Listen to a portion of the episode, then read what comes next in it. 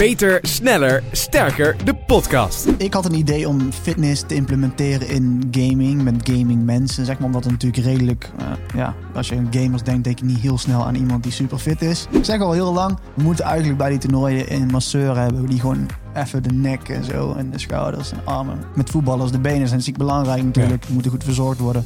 Met gamers net zo, vind ik. Nu ben ik blij dat Martin en jij gestart zijn met sneller, beter, sterker. Uh, of was het nou beter, sneller, sterker? Hey. Niemand weet het. Niemand weet het. Nobody knows. In Beter, Sneller, Sterker, de podcast, gaan Martin de Jong van Mensheld en ik, Jordi Warners, weer in gesprek met experts en ervaringsdeskundigen over training, voeding, balans en zelfverbetering. Welkom bij Beter, Sneller, Sterker, de podcast. Zullen we dit keer niet beginnen met een pauw? Goed. We gaan een heel rustig begin? Ja, een heel rustig begin, want dit is de allerlaatste aflevering van Beter, Sneller, Sterker, de podcast. Seizoen 1. Ja, seizoen 1. Uh, er komt een seizoen 2, kunnen we bij deze al bevestigen. Ja, dus um, je kan ons uh, berichten blijven sturen van komt er een seizoen 2? Ja, ja, ja. ja. Nou ja, blijf ons vooral volgen. Hè. Gaan op Instagram, Jordi Warnes met de I, Martin de Jong met de Griekse ei.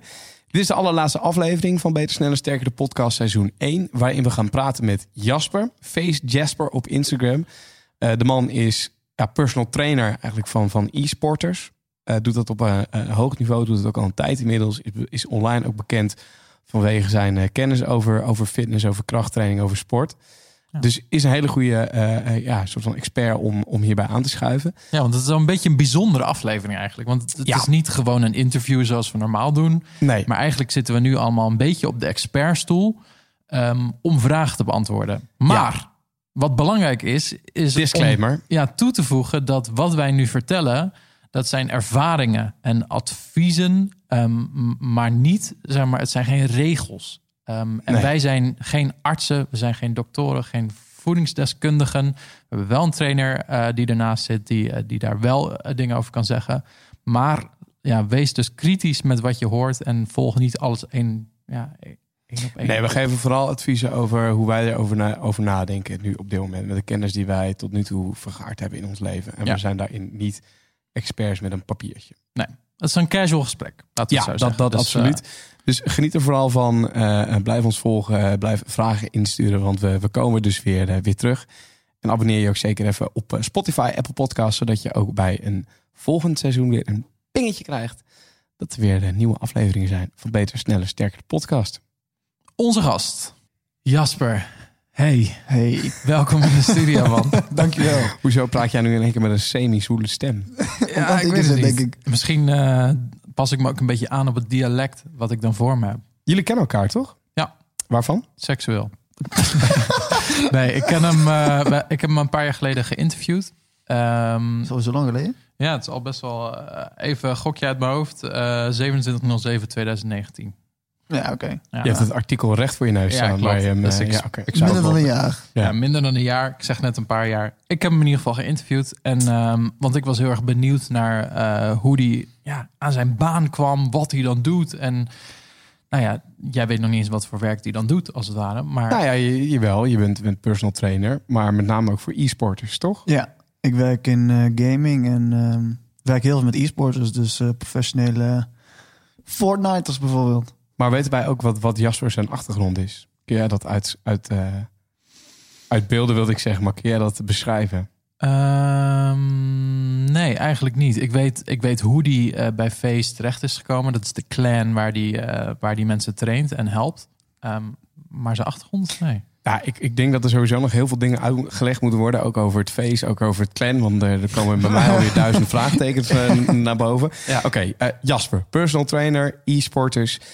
Ehm, sinds wanneer wil, kon, jij jezelf een personal trainer noemen? Nou, eigenlijk noem ik mezelf nooit echt personal trainer. Ehm, ik Ik heb zal mijn nooit... titel, de Brabantse Jasper Schellens, is personal trainer van de e-sports elite, dan maar even aanpassen. Ja, doe dat Mm, ja. nog even twee jaar na datum. Maar ehm, ik ben vijf jaar geleden ben ik gestart met. eh, ik had een idee, ik, ik gamede zelf heel erg veel en ik wilde heel graag met Face samenwerken, omdat het een, een super team was, zeg maar, zeg maar de Real Madrid onder de gaming teams. Ja, want, want oké, dan gaan we dat eerst nog even uitleggen, denk ik. Eh, je hebt e-sport tegenwoordig. Dat Ja. gaat dan voornamelijk nu over FIFA, denk ik. Je hebt eh, FIFA, Fortnite, Call of Duty. Je hebt Overwatch. Je hebt hele grote eh, andere spellen. League of Legends kent iedereen Ja. wel. Nou, en, en, en die zitten allemaal in teams, net zoals dat je bij een voetbalteam zit. Ja. Heb je ook e-sport teams. En eh, die wonen zelfs volgens mij heel vaak in, in huizen samen, of niet? Eh, ja, teamhouses zijn best wel redelijk eh, veel gebruikt. Alleen niet elk team van Face heeft een huis. Nee. En Dus, trainen ze allemaal? Of Qua eh, sporten of qua... ja, qua trainen, zeg fysiek maar. zeg maar. Eh, niet allemaal, maar ik probeer zoveel mogelijk natuurlijk wel eh de gym in te krijgen of homeworkouts te doen. Of Want, want even voor de duidelijkheid, hoeveel eh, trainen zij dan op het gebied van game? Of hoeveel gamen zij per dag? Mm, dan moet je denken aan 8 tot 10 uur per dag. 8 tot 10 uur per dag, wat dan voornamelijk natuurlijk gewoon hun werk is. Ja. Daar krijgen ze ook voor betaald. Ehm, Heel veel. en word jij dan door, want, want Face is dan dus een e-sport team? Ja, eh, maar Face is best wel uniek in dat, op dat, in dat opzicht. Want Face heeft e-sports teams, maar Face heeft ook een hele grote YouTube, YouTube team, zeg maar, content creators. Oké. Dus de helft van Face is zeg maar hele bekende content creators en de andere helft is hele bekende, goede e-sports teams. En, dus zeg maar even voor de leek, eh, Face is niet de naam van het team van de gasten die jij traint. zeg nee, maar. ja, Het is echt meer het bedrijf. het bedrijf inderdaad, Ja. ja. En die heeft dan meerdere teams en daar zitten ook meerdere content creators onder gesigned. Ik denk dat ik begin te snappen. Dat, Kijk. is, dat, is, dat is goed. En ehm, Face heeft dan uiteindelijk jou benaderd of jij hun? Eh, nou, het kwam eigenlijk dat eh, ik had een idee om fitness te implementeren in gaming met gaming mensen, zeg maar, omdat het natuurlijk redelijk, eh, ja, als je aan gamers denkt, denk je niet heel snel aan iemand die super fit is. En dat is een beetje een stereotype. En dat was vijf jaar geleden nog erger dan het nu was. Ehm, en toen dacht ik eigenlijk, ja, het is eigenlijk wel cool om iets met fitness te doen. Dus heb ik e-mailtjes gestuurd van, yo, is het niet leuk om iets met fitness te doen? En toen zeiden ze, ja, daar zijn we al aan mee bezig. En toen ben ik erin gerold en ben ik mee gaan helpen met dat channel. En ja, pst, de rest is history, zeg maar. De rest heb Ja. ik gewoon eh, in die vijf jaar aan gewerkt aan dat channel. Op een gegeven moment is dat channel... Op een gegeven moment had het 180.000 subscribers en eh, redelijk wat volgers op Instagram. En toen moesten we daar door allerlei dingetjes achter de schermen mee stoppen. Maar toen ben ik eh, met Face samen verder gaan werken met de echte e-sports teams. Om die de gym in te krijgen en daarmee naar toernooien te gaan en daarmee te sporten. Want hoe belangrijk is dat dan? Stel je voor, ik ben pro-gamer. Eh, waarom heb ik dat nodig? Nou ja, ik denk, i- voor mij is het altijd zo van, dat is het hoogste niveau van, net met voetbal. Ja, je hebt de details die heel erg ertoe doen op het hoogste niveau, want iedereen is heel erg goed. Dus eh, ik vergelijk het altijd een beetje met een Cristiano Ronaldo of zo. Die, die werkt zo hard voor zijn lichaam, denkt aan alle kleine stomme details. Maar ja, hij presteert wel op wereldniveau altijd. En ik denk dat het met e-sports dus net zo goed is. Iedereen speelt 8 tot 10 uur, maar wat doe je naar buiten nog om nog beter te worden? Dus ik denk dat het een detail dingetje is. Maar traint het dan vooral ook hun geest? Of is het meer dat ze zo passief zijn dat je dat een beetje weer wil rechttrekken in de uren daarbuiten? Ja, een beetje beide natuurlijk. Als je acht tot tien uur stil zit, ik bedoel, dat is voor iedereen met een kantoorbaan ook zo. Ja. Je moet af en toe wel bewegen en dat is natuurlijk ook gewoon gezond. En ja, die gasten zitten natuurlijk gewoon stijf achter een computer, heel erg gefocust. Want dat gaat echt om milliseconden reactiesnelheden. En ja, dat, dat is super, ja, het is best wel zwaar. Ehm, dus dan is sporten inderdaad ook mentaal fijn, maar ook gewoon lichamelijk gezond en ja, goed voor ze. Ehm, zie jij ook een soort van beweging gaande in die gamewereld? Want als ik als, ik als leek zijnde daarnaar kijk, dan ken ik bijvoorbeeld een Royalistic die natuurlijk heel Mhm. erg mee bezig is met, met, met trainen, met bulken en met kutten. Eh, ik geloof dat een Don de Jong ook wel eh, steeds meer laat zien dat hij met sport en dergelijke Ja, bezig hij, wordt. hij mag alleen niet meer kracht trainen. Don. Ja, want hij heeft iets met zijn hart. eh, Dat hij, Ja, ja, klopt. Ja, ja. klopt. Ja. Maar, maar zie jij wel in die gamewereld dat er nu iets verandert? Dat steeds meer gamers ook veel makkelijker de, de, het punt staan van... joh, ja, ik wil wel trainen, het lijkt me leuk... of het lijkt me goed om te sporten. Of... Ja, ik denk dat het niet per se alleen met gaming te maken heeft. Ik denk dat ook gewoon dat fitness in de afgelopen jaren wel populairder is geworden. Dat meer mensen naar de gym gaan en meer mensen willen sporten. En nou, ik veel spier willen aanmaken. Dus dat is net zo goed met, met gaming. Ik heb heel veel eh, gamers die mij een bericht sturen en zeggen... Yo, kan je me helpen met een schema? Of Ja. wat moet ik doen? Of als ik ja, met vragen. Dus ik merk het wel. En vijf jaar geleden was het echt... Ja, ik weet niet hoe ik het moet uitleggen, maar dat was gewoon... eh, fitness en gaming was echt van... Ja, oké, doe je boeien. Ik wil echt niet sporten. Ik wil Nee. gewoon lekker mijn game spelen. Maar, En- maar waren die mensen vijf jaar geleden al zo beroemd? Is dat het niet ook? Dat die mensen zijn nu een soort openbare figuren geworden en die, die hebben Instagrams met miljoenen volgers. Ja. Is dan gewoon hun uiterlijk ook belangrijker geworden? Net als dat ook bij di- radio-DJ's zijn nu ook gewoon de hele dag live te zien, zeg maar. Dus ook jouw hoofd moet ook... Nou, ik denk dat het, ik denk, als ik het mag invullen, het ook meer te maken heeft met een soort van eh judgy beeld vanaf de buitenwereld naar de gamers toe, toch? Dat, dat men heel erg denkt en ziet dat het gezond is. En dat daarom de gamers zichzelf ook steeds meer zoiets voelen van, oké, ja, misschien moeten we ook maar wat gaan doen. Ja, ja, Zou ja. toch misschien? Er zijn wel echt Ja. gaming superstars nou, zeg maar. Dus eh, eh, ja. Maar toen ik begon, waren al wel bekende gamers. Al was het natuurlijk wel iets minder mainstream. Nu is het gewoon, ja, met Fortnite vorig jaar, met de World Cup. Ja, dan zijn er wel heel veel mainstream dingen opeens die eh er aandacht aan besteden. Dus ja, ik denk dat het er wel mee te maken heeft. Maar Oké, dus, dus stel je voor, ik ben een gamer en ik eh, klop bij jou aan. Eh, wat gebeurt er dan? Of ik zit in je clan in- van, van Face. Wat gaan we doen? nou ja, ik, als er iemand nieuw komt bij Face, dan heb ik altijd eerst dat ik probeer ja, contact te krijgen, zeg maar. Hè. Dus proberen. Ik Stuur ze een berichtje en ik zeg, yo, Hey, ik ben er. Eh, als je iets wil, dan ben ik er altijd om te helpen. En ehm, ja, laat me weten als je iets nodig hebt. En meestal zijn ze dan best wel redelijk enthousiast op het begin. Sommigen zijn denken van, ah, fuck it, wie is deze guy? Eh, het zal wel. Mag ik trouwens schelden? Ja, ja, zeker. natuurlijk. Ja. Ja, Mooi, hoor. nice. Het is Maar- gewoon Nederland. ja.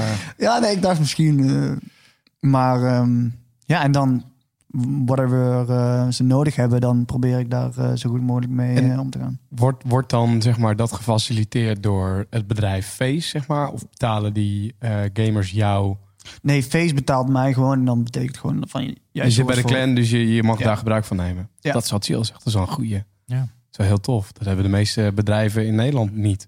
Zeg maar, die op andere gebieden dingen doen. Dus je zou een soort radioclan moeten maken en dan gewoon getraind worden door Jasper. Ja, maar op zich is het best wel Ja. fijn om gewoon iemand te hebben waar je altijd even iets aan kan vragen, toch? Als je iets. Ja, ja, maar het is, het is het, want, want eigenlijk is het toch gek dat een, een bedrijf wat zich bezighoudt met gamen, hè, wat, wat zo erg A-sport, vroeger zo A-sport was, zeg maar, zo van we doen niet aan sport, dat dat nu in 2020 gewoon een personal trainer in dienst heeft, waar de gamers gebruik van mogen maken.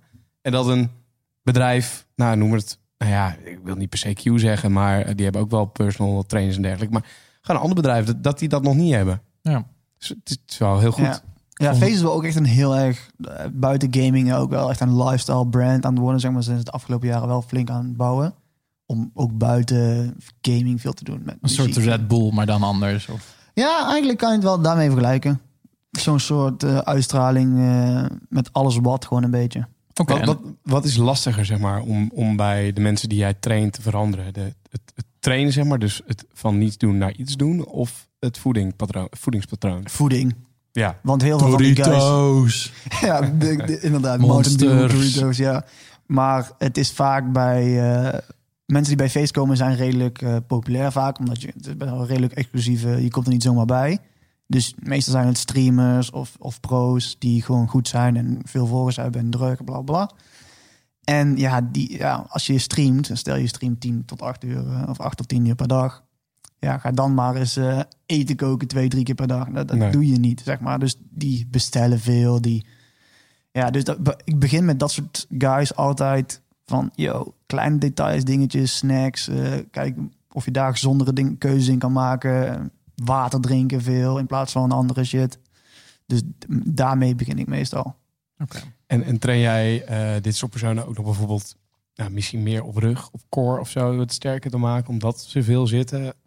Oh ja, ja. Ik Dus je- focus wel eh, vaak als ik ehm, bij de toernooien ben, dan ga ik vaak ook heel veel uh, nou, pooling oefeningen doen inderdaad. Dus dat je gewoon eh, de posterior traint, dat je iets eh rechterop en de nek, ja. Je zit natuurlijk vrij veel naar voren en Ja. je zit zwaar geconcentreerd. Dus ze hebben vaak wel nekklachten. Kijk, ik zeg al heel lang, we moeten eigenlijk bij die toernooien een masseur hebben die gewoon even de nek en zo en de schouders en armen. Ja, uiteindelijk is het wel een soort van met voetballers de benen zijn ziek belangrijk natuurlijk. Die moeten goed verzorgd worden. Dus met gamers net zo vind ik. Ja. En, en wat zeggen zij dan eh, bij Face? Eh, ja, het is wel Ja, goed, ja, het is goed. genoeg, ja, of, precies. Ja, eh, ja. Maar wat is dan erger voor je, voor je rug, zeg maar? Een controller gamer of een computer gamer? Oeh, dat is een goeie.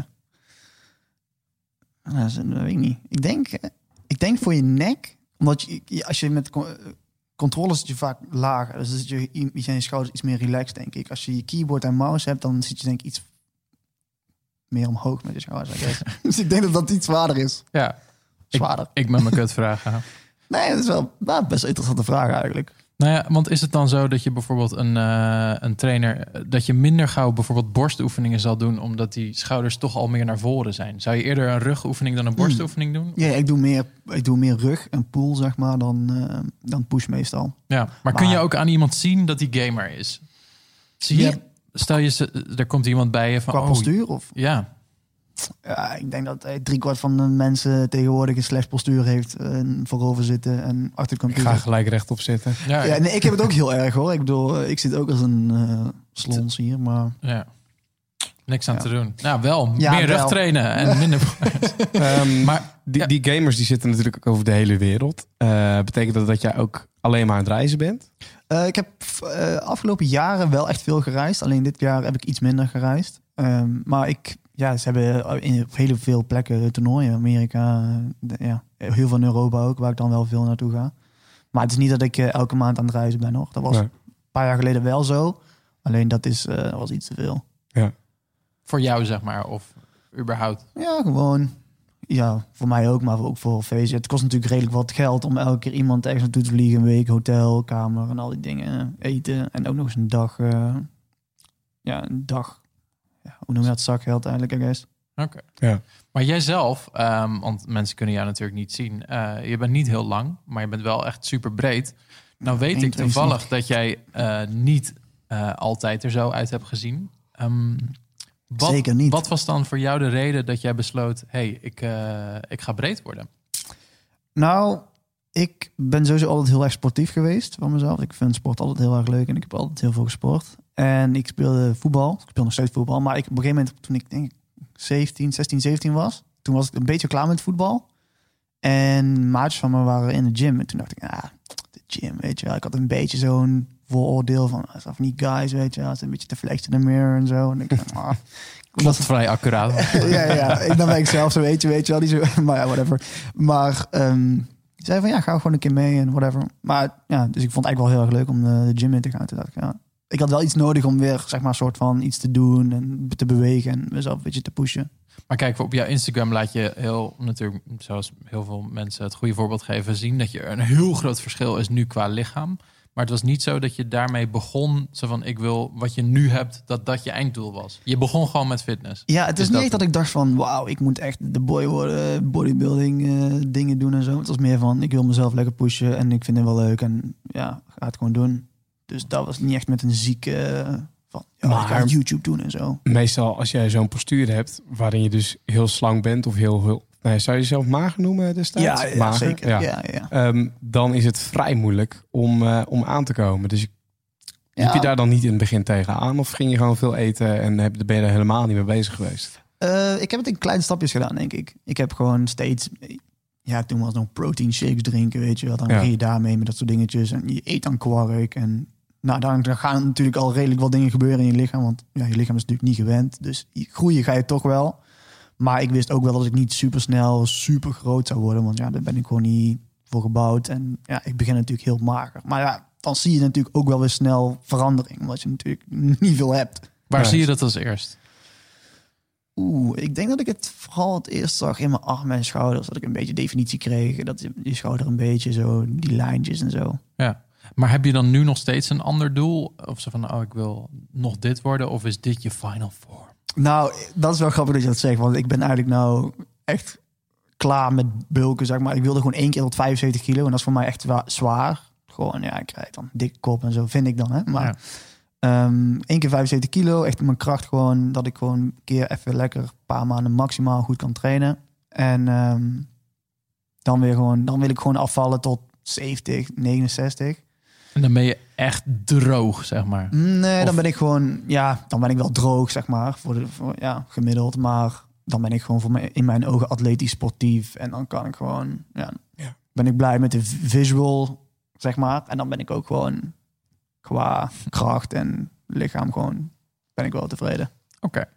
Nou hebben wij in deze aflevering hebben wij natuurlijk een eh, heleboel eh, vragen Ja, gekregen zeker. van luisteraars. En ehm, wat dachten jullie ervan om daar eens even een paar doorheen eh, te Nou ja, gaan? goed, de reden waarom we Jasper ook bij deze laatste hebben gevraagd... is omdat eh, Jasper eh, aardig wat eh, algemene kennis eh, paraat heeft... als het gaat om, eh, om sporten. Wat dus dan eigenlijk geen algemene kennis meer is... maar wat accuratere kennis. Snap je wat ik bedoel? Ik vind hem heel mooi. Ja, ja. Beste inleiding Ehm, ooit. Dus ik denk dat heel veel vragen dat, eh, dat Jasper ook wel een soort als, als extra expert erbij kan, eh, kan dienen. Eh, laten we even eh, beginnen met eh, Nicole Timmer. Eh, die stuurt: Hey Jordi en Martin. Een jaar later luister ik ook gewoon weer naar jullie nieuwe podcast. Nou, top Nicole. Ik heb een vraag waar ik echt benieuwd naar ben. Hoe jullie daarover denken. Ik ben nu zo'n vijf of zes jaar aan fitness en sport. En ik sport vier tot zes keer per week. Ik maak zelf schema's op het gebied van sport en voeding. Maar ik merk dat ik een beetje een doel en of expert mis. Ook zou ik graag een keer een concreet doel willen stellen, zoals een wedstrijd. Nu zijn er natuurlijk heel veel fantastische coaches op voeding en sportgebied. Maar die kosten per maand gewoon heel veel geld. Ik vind dat zelf heel veel geld. eh, en ik heb daar de eh, financiële middelen niet voor. Online schema's zijn betaalbaarder, maar ik zie eerder ook als inspiratie dan een goed middel. Dus eigenlijk is mijn vraag: hoe kan ik stappen blijven maken als ik niet het geld heb om heel vaak met een personal coach te trainen? Wie wil hem beantwoorden? Ik vind dat je het ook heel goed hebt voorgelezen. Is natuurlijk ook je werk, maar ik wil je daar toch even een compliment voor geven. en ik vind dat ze, zij het heel mooi verwoord heeft. Dit is een probleem waar heel veel mensen mee struggelen. Ehm, sowieso, ja, ze twijfelt zelfs nog een beetje over het doel, maar ook hoe ze het gaat behalen. Dus ze heeft eigenlijk twee onzekerheden in dit verhaal eigenlijk. Ik zou eerst kiezen wat je wil, heel stellig. Wordt dat die wedstrijd of wordt het iets anders? Ehm, en dan kijken hoe je er komt. Nou hebben wij bijvoorbeeld, en ik zeg maar, promote niet graag eh, dingen van... oh, Men's Health is de beste, maar is wel zo. Eh we hebben dus een gids voor beginners. Ehm, en daarin staat dus qua voeding en qua training... wat je allemaal kunt doen, eh, niet moet doen, maar kunt doen... om verder te komen. Dus mocht je een soort heel algeheel verhaal weten, of com- heel compleet verhaal kan ik beter zeggen, over eh, voeding, training en de mentaliteit en hoe anderen dat doen, dan zou dat een middel kunnen zijn die je voor 9,95 eh, online kunt bestellen zonder verzendkosten. Pluk even de link ook meteen aan. Dan het niet-commerciële gedeelte, Jasper. Nee. Ja, ze sport natuurlijk al wel zes jaar, zei je toch, hè? Ja, dus ik denk ook niet Ja. meer dat ze die beginnersguide nodig heeft. Maar dat, dat, Nee, als je zes jaar weet, ja, het is inderdaad wat Martin wel zegt. Je moet natuurlijk wel een doel hebben. Als je heel graag een wedstrijd wil doen, moet je daar inderdaad een beetje een soort van reverse engineering van: ik ga de wedstrijd doen, wat moet ik daarvoor weten en wat moet ik daarvoor kunnen? En ja, inderdaad, geld, ja. Je kan heel veel dingen niet doen als je geen geld hebt. Zo werkt het nou eenmaal. Dus dan moet je je eigenlijk jezelf, eh, moet je zelf heel veel research doen. Er is echt heel veel informatie over wedstrijden en tussen meisjes. ja. Kijk, ehm, als ik er zo naar kijk, ehm, ik denk dat de gemiddelde personal trainer kost 60 euro per uur of zoiets, denk ik, Ja, zoiets, om ja. erbij. Ehm, als ik kijk naar Bram, waar ik train, ik train denk ik één keer in de twee maanden bij Bram. Dat is in het begin natuurlijk wel meer geweest. Eh, maar ik krijg om de zoveel tijd krijg ik weer een schema van Bram. Ik denk dat als Nicole, die zes jaar traint, ook wel genoeg kennis inmiddels, als het goed is, heeft hè, qua techniek en dergelijke. Je zou ook één keer een les kunnen nemen bij een personal trainer. Hem je schema's laten maken. Dat betekent niet dat je iedere maand weer terug naar hem moet, toch? ja. Het is wel lastig, want kijk, eh, er is wat anders dan gewoon trainen of een wedstrijd doen. Ja, wedstrijdcoaching Ehm, is wel dus- iets ingewikkelder. zelfs mijn wedstrijdcoach had een wedstrijdcoach. Zo ziek is een wedstrijd. Dat is gewoon echt een mentaal Dat spel. was ook Jasper, toch? Dat was ook een Jasper. Ja. Eh, Jasper Schmid. Ehm, dus, dus ja, dat kun je eigenlijk niet zelf. Ehm, dus daarom zeg je, ja, als je doel een wedstrijd wordt, ja, dan heb je inderdaad niks aan, aan een, een of andere gids. Dan moet je gewoon een persoon hebben. Maar als je weet hoe duur een wedstrijd überhaupt is om te doen, dan denk ik dat je het ja, met welk schema dan ook niet gaat redden. Want de voeding is waanzinnig duur. Eh, de supplementen zijn heel duur. Dus misschien moet je je afvragen of je dat dan wil. En of je niet op een bepaalde manier misschien wat extra geld of ergens wat geld weg kan halen van je weet ik veel, je andere uitgaven. Om het daar naartoe te Dacht sturen. al, geld weghalen ergens. Wordt heel eh, schimmig allemaal ineens. Ja, oké. eh, hebben we daar een soort van antwoord kunnen geven, denk je? Denk Ja. het wel, toch? Ja. Het is een lastige vraag wel. hoor. Het is wel, ja. Eh, door naar de volgende, Jarko, Jarko sorry. Eh, Jarko Verboom. Die stuurt, eh, hey Jordi en Martin, ik heb met plezier naar Gezond Verstand geluisterd. Dat is onze vorige podcast natuurlijk. Nu ben ik blij dat Martin en jij gestart zijn met Sneller, Beter, Sterker. Eh, of was het nou Beter, Sneller, Sterker? Hey, Niemand weet het. niemand weet het. Nobody knows. Ik ben 1,99 meter. Kan dat? 199 centimeter. Ik Ja. ben 199 centimeter, 33 jaar oud en ik ben na een hernia-operatie weer gestart met sporten. Is het mogelijk een afleiding te wijden aan lange mensen en dan in het bijzonder lang zijn en powerliften? Nou, dat wordt een beetje te laat in de laatste aflevering. Maar denk moet je dat vooral mij ook niet hebben. Nee, dan moeten we Jasper ook niet hebben. Maar Martin misschien wel. Want Martin, hoe, eh, hoe lang ben jij? Ik ben 1,94. Nou, dat scheelt eh, maar een paar centimeter. Ja. Ehm, als je het hebt over lange mensen en eh, powerliften, is dat iets? Ja, absoluut. Op zich, kijk, lang zijn bij powerliften. eh, heel veel mensen die heel zwaar tillen, zijn best lang. Ehm, dus in principe, je kan vaak een heel goed frame bouwen als je lang bent. Want je hebt ook ja, vaak wat, net wat voorstellen botten. eh, volgens mij, tenminste, het frame van je lichaam is breder. Maar of dat dan je botten of je spieren zijn, durf ik niet zeggen. Terug naar de kern. Ehm, ik zeg doen. Ehm, inderdaad wel weer met een coach. Eh, het is niet een nadeel als je lang bent. ehm, maar misschien zul je bepaalde oefeningen anders moeten doen. Dus bijvoorbeeld een deadlift pak jij eh, over een veel langere afstand. Bijvoorbeeld. Dus als jij vanaf de grond naar rechtop is voor jou anders. Als jij dus een hernia hebt gehad, zoals deze man, dan is het wel iets om te overwegen dat je niet je rug te veel gaat belasten door hele lange afstanden af te leggen. Dus, Dus- dan leg je er bijvoorbeeld eh, twee gewichten onder om het eh, plateau wat hoger te krijgen. Ja, en dus niet onder je voeten, maar onder de gewichten. Want stel je Ja, ja, onder je voeten, dan wordt het nog erger. Maar misschien is dan ook bijvoorbeeld een andere vorm van deadliften misschien beter voor jou. Ehm, dus ja, het, ik, het is heel lastig om hier nu in één zin antwoord op te geven. Dit is ook niet gelukt. Ehm, maar het kan absoluut. Maar ik zou wel even goed uitzoeken dat die hernia niet eh, erger wordt. Ja, maar dat soort dingen denk ik altijd van, vraag het die dokter. Weet je wel, I- iemand die echt verstand van hernia heeft. Ik bedoel, ja. Ja. Ja. Daar zijn wij Ik natuurlijk ook niet de juiste personen voor, om dat echt gewoon... Nee. Nou, toevallig heb ik net een opleiding gedaan. Nee, dat is niet waar. Ehm, nee, absoluut niet. Pak jij de volgende van Ja. eh, Patrick? Ja, mijn eh, zijn dus wat korter. Ehm, Patrick zegt, hoe tel je het makkelijkst calorieën in een maaltijd?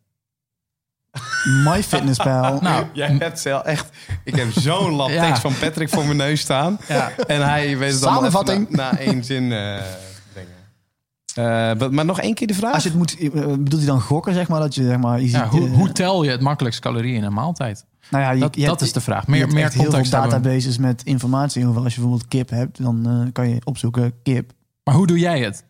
Een app, MyFitnessPal. MyFitnessPal. En Dan- dan, scan je je kip. Je scant je kip of je, of je vult het in, AH kip of whatever. Mhm. Jumbo kip. En eh, dan geeft hij het aan. Ja, daar moet je dan een beetje van uitgaan dat dat klopt natuurlijk. Maar Ja. ja, zo Maar- tel ik het altijd. Kijk, voor heel veel mensen is het probleem dan bijvoorbeeld dat ze in de werkkantine bijvoorbeeld gaan lunchen of onderweg. En dan Ja, is het, gokken. ja, hoeveel calorieën zitten er in deze maaltijd? Ja, op het begin zou ik dan altijd zeg maar zo dicht mogelijk bij eh, op MyFitnessPal of zoiets. eh, dan gewoon een soort van de gok nemen. Ja, Je moet toch altijd proberen. En Je ziet er uiteindelijk wat je gewicht gaat doen. En als, dat, als je merkt van, oh, oké, het is toch te veel, whatever, dan weet je dat alsnog. Maar ja, Wat- je kan moeilijk aan de kantinejuffrouw vragen, mevrouw, welke kip is dit, hoeveel Ja, weegt het? En hoeveel is de saus?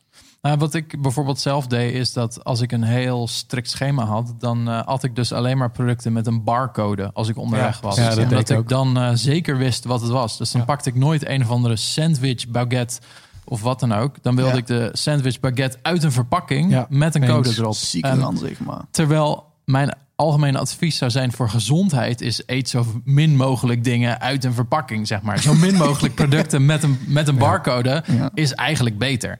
Maar voor calorieën tellen is het wel lastig. Dus Zeker. ik denk dat je het als twee losse dingen moet zien. Calorieën tellen is niet per definitie gezond ook. Ehm, dus Nee, oké, maar goed, als je het nu hebt over het naar toewerken naar een doel, is het droog trainen, is, is weet ik veel wat anders, dan, dan is het inderdaad wel de makkelijkste manier om, om dat deed ik ook. Ik pakte Ja. ook alles in een verpakking, sterker nog. Mijn brok, die zat zelfs in, eh, in de verpakking.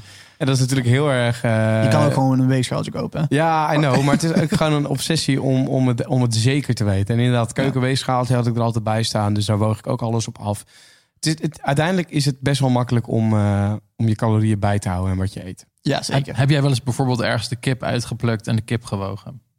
Nee.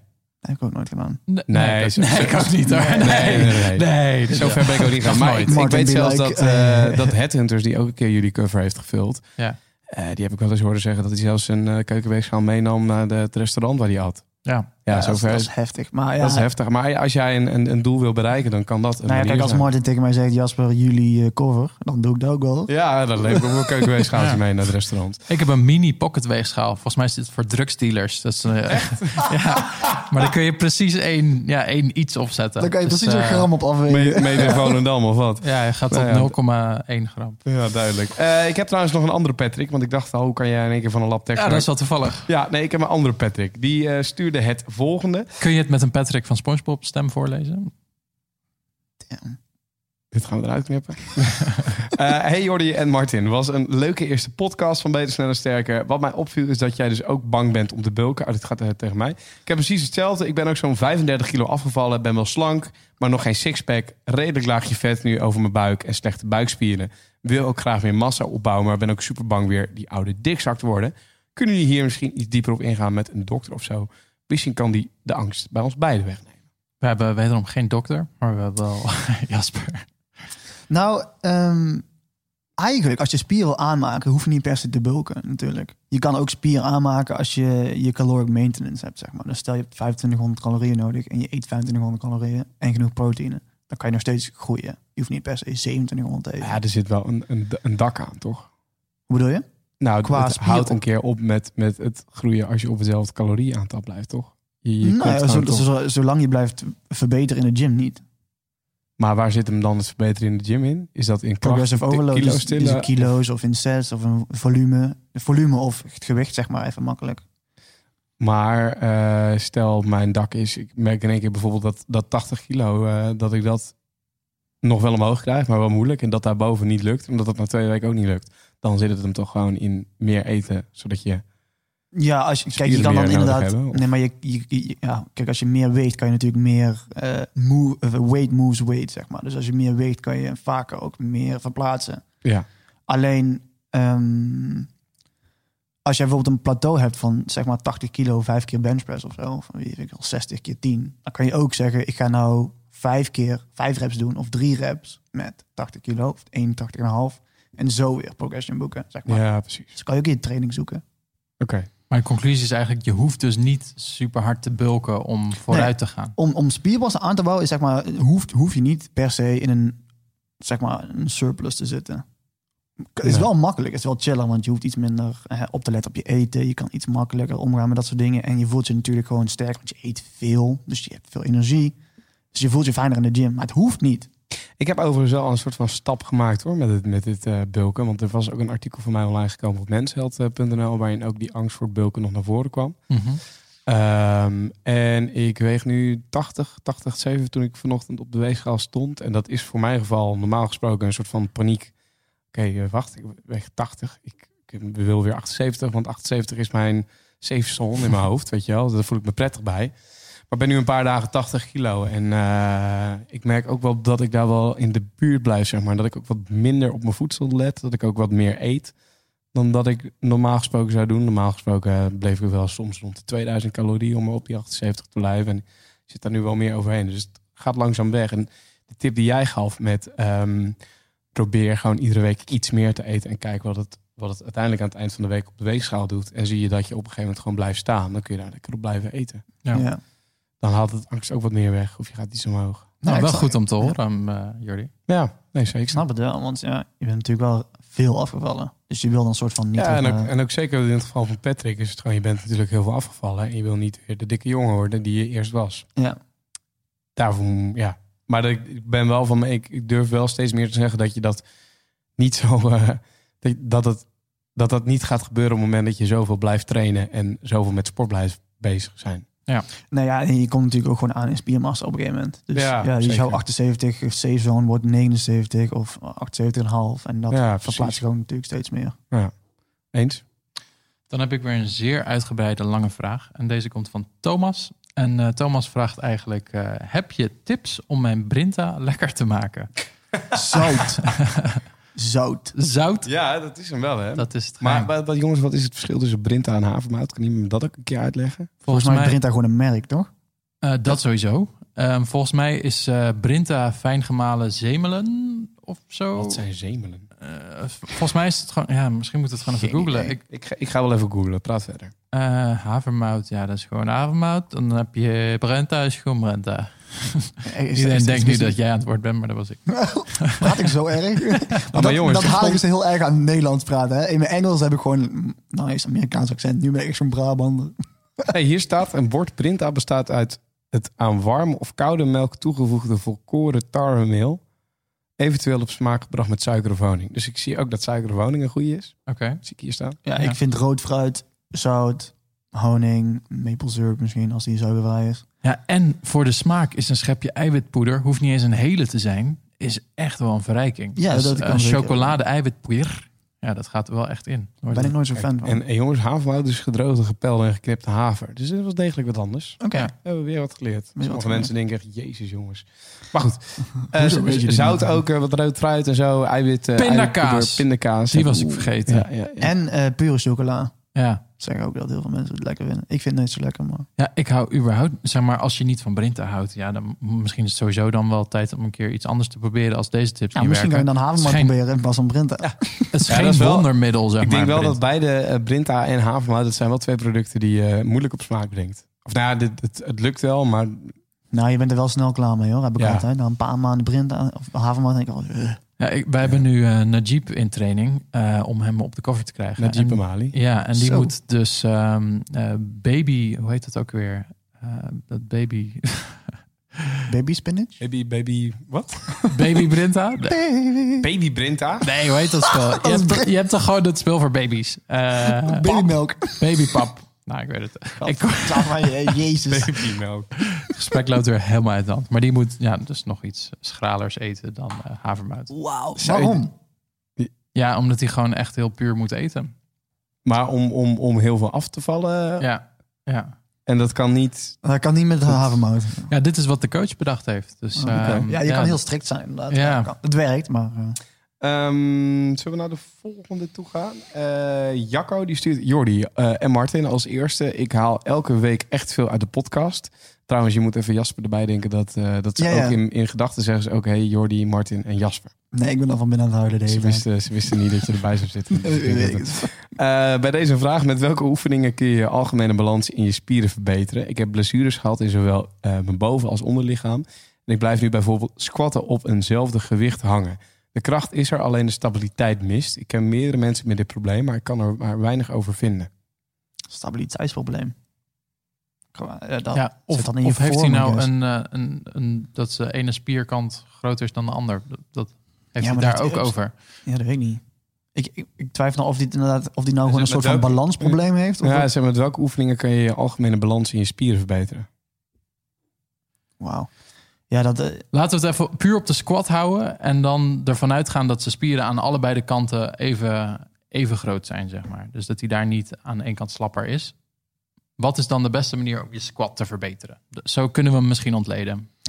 nou ja, het is dan natuurlijk je, je vorm moet natuurlijk gewoon goed zijn. En ja, dan moet je dus inderdaad wat ik net tegen Jordi al zei, want je moet kijken naar je reps, naar je reps en sets, je volume en kijken hoe je dat doet. Dus stel je doet nou acht reps en je zit vast op 100 kilo, whatever. Ga dan naar drie reps en ga drie reps voor 105 kilo doen en bouw dat op naar vijf reps en bouw dat op naar zeven en dan bouw je dat op naar acht. En zit daar nog een deload week tussen? Zou je kunnen doen, maar ik deload week doe ik zeg altijd van ja, het is zes en acht weken een deload week, maar ik luister gewoon naar je lichaam. Als je denkt van oh, ja, ik heb echt een deload week nodig, pak een deload week. Anders pak je hem gewoon niet. Ik hoor mensen vragen, deload week, deload week. Ja, nou, vroeger zou ik dat ook vragen, maar inmiddels weet ik het dan. Ja, deload week is gewoon een week niks doen. Ja. Toch? Nou, Nou ja, niet niks doen, toch? Maar Nee. Actieve rust, zeg maar, in de gym, helft van je gewicht gebruiken, rustig aan doen, zeg maar. Ja, dus stel je voor je hebt een schema en eh, daarin staan eh, oefening ABCD met eh, gewicht 100, 100, 100. Dan zou je, dat klinkt als een Jospos liedje, ehm, dan zou het nu ehm, de helft daarvan. Dus dan ga je bijvoorbeeld 50, 50, 50 doen bij elke oefening. Ja. Dat is een deload. En dat doe je een week lang om tot rust te komen, zodat je spieren nog meer kunnen herstellen, nog meer kunnen groeien. En dan kun je de week daarna kun je nog meer pieken. En dan zou je bij wijze van spreken naar 110 gaan. Dit zijn allemaal compleet eh, loze getallen, maar, Maar, maar is het dan, moet ik het dan ook een beetje zien als een soort van reset van je spieren? nee, het is dat puur, niet? Ja, het is echt Volgens het, gewoon, het is herstel. gewoon herstel, maar ook gewoon je, je zenuwstelsel. Dat kan als je heel erg zwaar traint, vaak heel veel squat, heel veel deadlift, dan kan het ook zijn dat je daar even rust nodig hebt. Dat je daar een soort van je lichaam een soort van op is. Oké. Ehm, Jasper, gebruik je supplementen? Weinig. Weinig. Ja, eh, op het begin van mijn fitness life heb ik ehm, gewoon de, de standaard dingen gedaan. Hè? Protein shake, protein bars, creatine, BCAA en zo. Mhm. Alleen ik doe het eigenlijk vrij weinig, behalve creatine dan. Ja. Maar eh, protein shakes, ik ben echt over de smaak gewoon. Zo smerig. En ik krijg het ook, ja, ik krijg het niet meer naar binnen. Dus ik eet, ja, ik krijg mijn proteïne ergens anders vandaan. Oké.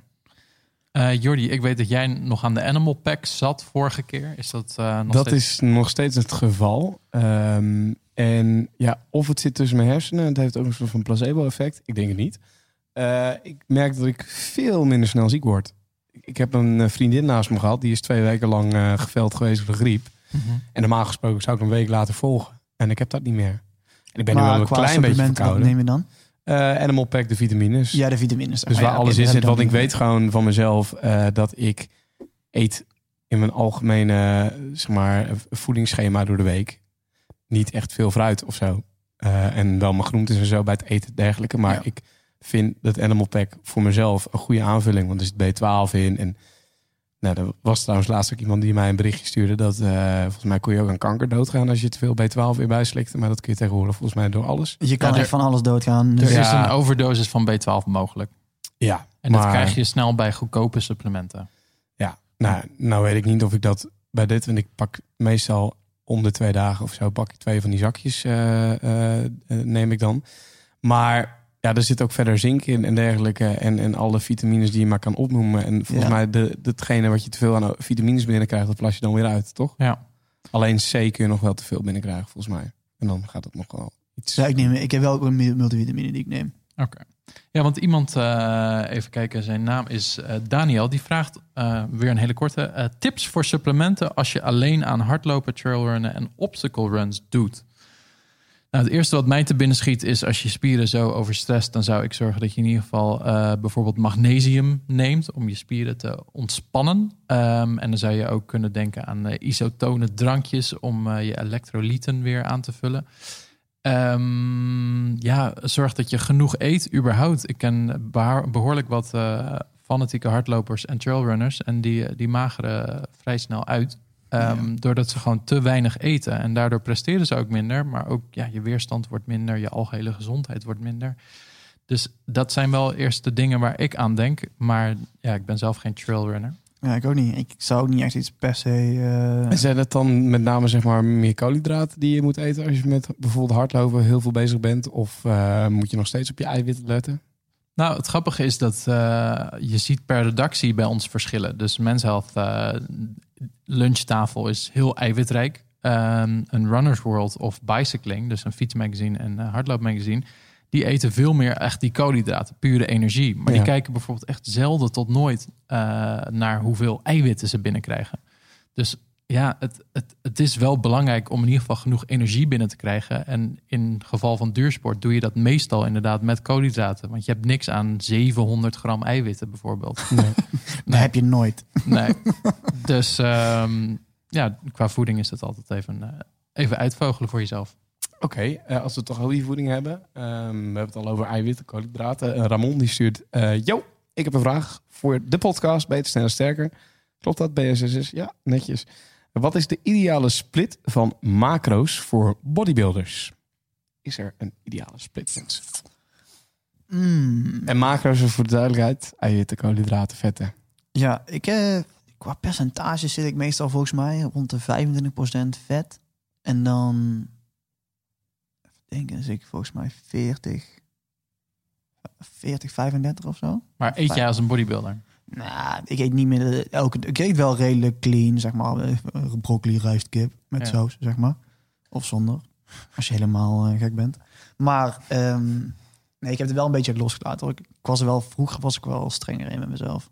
Maar ja, qua split. Ik, zorg, ik kijk eerst naar de calorieën. En ik kijk dat ik genoeg ehm, proteïnes binnenkrijg. En dan de split tussen vet en koolhydraten maakt mij niet heel veel uit. Nee. Het is natuurlijk nooit zo dat ik meer vet eet dan koolhydraten. Want dat is wel echt heftig. Maar Nou ja, en eh, ook de vraag is, stel je voor je wil eten als een bodybuilder. Ben je dan eh, als een bodybuilder aan het eten die aan het opbouwen is of aan het droog eh, Ja, dat scheelt natuurlijk ook, Want dat is een wereld van verschil. Dan gaan bijvoorbeeld de vetten, die gaan er al eh, behoorlijk uit. De koolhydraten worden per week minder. Alleen de eiwitten blijven als het goed is van begin tot eind Hetzelfde. hetzelfde. Ongeveer, ja. Ja. Ja, dus de, qua percentage dan zou je, ja... Ik, ik zou niet echt per se... Ik heb ook eh, helemaal niet, niet echt naar, naar percentages gekeken. Zeg Gewoon maar, naar toen ik aantallen. aan het droogtrainen was. Ik keek meer naar, ik moet eh 120 gram eiwitten wil ik hebben. En de rest vul ik op met koolhydraten en wat vetten. Ja. Maar dat is eigenlijk precies wat jij zegt. Kijk naar calorieën en eh, ja. Ja, Je kan zeg maar, je hebt zeg maar van die formules die het dan uitrekenen. Dus je kijkt eerst naar je eiwitten, hoeveel heb je nodig? Dus ongeveer eh, 0,8 tot 1 gram per pound of body weight. Dus nou ja, dat is dan 120. Dan heb je vetten, dan moet je een minimaal aantal vetten wel halen. Maar ook kijk je dan natuurlijk wat voor eten je lekker vindt. Als je nou heel erg van pindakaas houdt, dan eh, ja, zet dan iets meer vet in je dieet. Want dan kan je pindakaas eten en dat is iets leuker. En dan ga je kijken, wat heb je nog over? Nou, dan, dan vul je dan gewoon in met koolhydraten. ja precies. Dus het is ook wel bij, bij iedereen is anders. Zo doe ik het in ieder geval altijd. Ja. Want Ik vind diëten, zeg maar, dat klinkt altijd zo heftig. Alleen, ja, als je het, het leuk, hè, even tussen haakjes, maakt voor jezelf, leuker, En nou je het ook beter dan langer dan van. hou je het langer vol. Sustainability. Hatsa. Jij Martin? Ja, ik hou het heel lang vol. Ehm, de vraag van Jordi met een Griekse ei Oh, ehm, ik heb niks ingestuurd hoor. is: eh, wat moet ik eten voor en na krachttraining? Ja, dat zijn. Gewoon normaal eten. De- tijdframe mythe is echt zo'n gek iets. Van je moet binnen een half uur een protein shake, anders verlies je al je gains. Ja. Dat is gewoon niet waar. Anabolic window is closing. Ja, precies. Ja, dat, ja. Zorg dat je voor je, voor, voor je sport, eh, zorg in ieder geval gewoon dat je goed een goede maaltijd eet. Ja, maar wat is een goede maaltijd? Een goede maaltijd is gewoon een gebalanceerde maaltijd van carbs, vetten en proteïne. Maar dat ligt heel erg aan ook hoe je dag eruit ziet. Ga je 's ochtends sporten, ga je laat in de avond sporten. Vind ik ook wel een ander verschil hebben. Maar Kun je drie maaltijden noemen die Jordi wellicht zou kunnen proberen? nou, iets met rijst en vul iets van vlees in, dus of vis. Ja. Een vette vis of eh, kip of eh, iets van eh maak, iets van gehakt.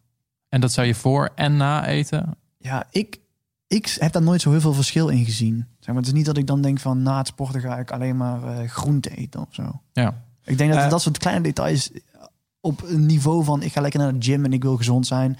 Dat, dat is, vind ik zo overdreven altijd. Maar dat is te gedetailleerd. Als ik naar mezelf kijk, dan eet ik 9 van de 10 keer niet voor het sporten. Maar dat heeft dan met het intermittent fasting te maken. Want jij sport 's Ehm, ochtends. Ja, Ja, Maar- dat is anders inderdaad. als ik dan wel een keer besluit om 's middags te sporten. En dat is dan na 12 uur of na 1 uur. Dan, ja, dan ga ik dat niet doen. Dat dan lukt me het ook niet zo lang zeg maar, op nuchtere maag te doen. Dus dan, wat ik meestal doe, is juist brood eten. Gewoon koolhydraten tevoren. Die, ja, maar die dan toch wel voor die energie zorgen. Ja. Ik heb dan toch, voor mijn gevoel, mijn lichaam heeft op dat moment net even wat meer koolhydraten nodig dan eiwitten. En die eiwitten die haal ik na het sporten wel weer in. Ja. Want ik Ja, moet tijdens het trainen wel de, wel de energie hebben. Die, eh, die je lichaam pakt natuurlijk. Dus inderdaad, zorg dat je genoeg koolhydraten binnen hebt. En als je dat niet hebt, pak even snel een banaantje of zo. Of Ja, maar of een, of een Mars of een Snickers. ja.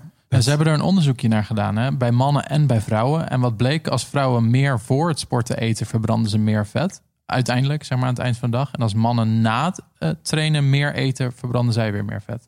Dus ehm, daarin zou je nog een soort leidraad kunnen volgen. Ook mijn coach die adviseerde mij altijd om geen ehm groenten rondom je training eh, te eten.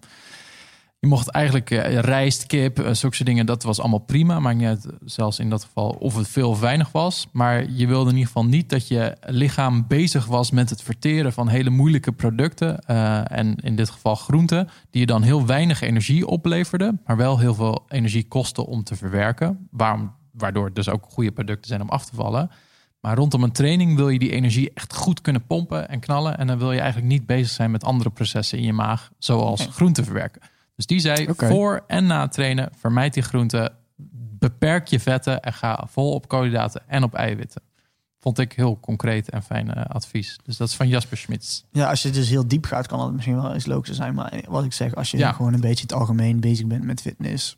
Ja, zorg maar dat je goed genoeg eet. Ja, want dat is ook nog het verschil van mensen die zeggen van ja, ik mag dan geen eh, pindakaas eh, na het sporten of voor het sporten, want dan worden mijn eiwitten eh, slechter opgenomen. En Ja, dat, dat, dat, dat, is ja. ja, dat gaat zo ver. En dan ga je echt op de meest kleine details, terwijl je niet gedetailleerd bezig bent, ga je dan Ja. opereren. Dan maak je het voor jezelf heel moeilijk. ja. En daar, ik ben ik er nooit zo fan van, want de lol gaat er dan de lol af. gaat eraf inderdaad. Hoe lang hou je het echt oprecht vol? Want je gaat niet tien jaar eh, geen pindakaas eten of tussen 1 en 3, want dat mag Nee. niet van je training. Nee, nee. Nee, absoluut niet. Eh, dan een vraagje die we volgens mij wel redelijk snel kunnen beantwoorden. Marvin, eh, die heeft ook een soort van opmerkingje wel. Ehm, hij zegt ook, misschien is deze meer voor Martin. Als ik een uur eerder wakker moet worden dan mijn vrouw... zou zij dan niet ontregeld worden door een wake-up light... die op mijn tijd is ingesteld? Het antwoord is denk ik ja. Ja. Ehm, daarom, ik heb zelf eh, een hele makkelijke vriendin eh, met opstaan, want we staan eigenlijk rond dezelfde tijd op.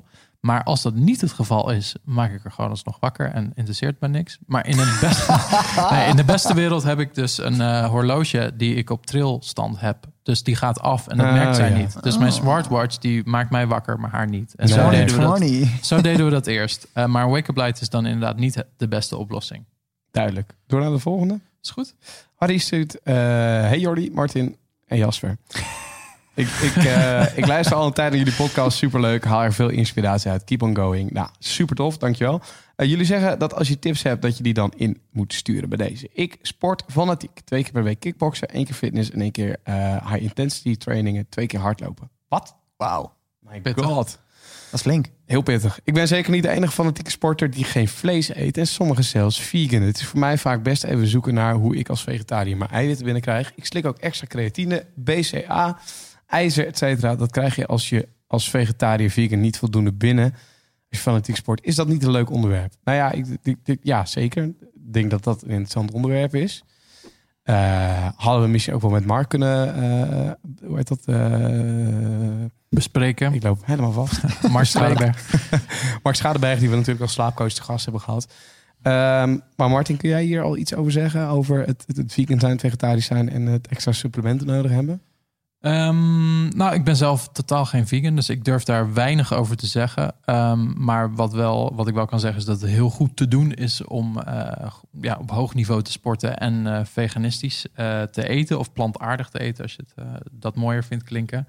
Ehm, wil niet zeggen dat het makkelijk is. Dat is wat ik er wel van weet. Eh, ze stoppen er heel veel tijd, moeite en geld in om, eh, om dat niveau te bereiken. Want ja, gezond eten is nou eenmaal duurder. En een shakeje kost misschien 0,2 cent. eh, en een, ja, een plantaardig product wat uit de schappen komt, ja, kost wel wat meer. Aangezien het vaak vers is.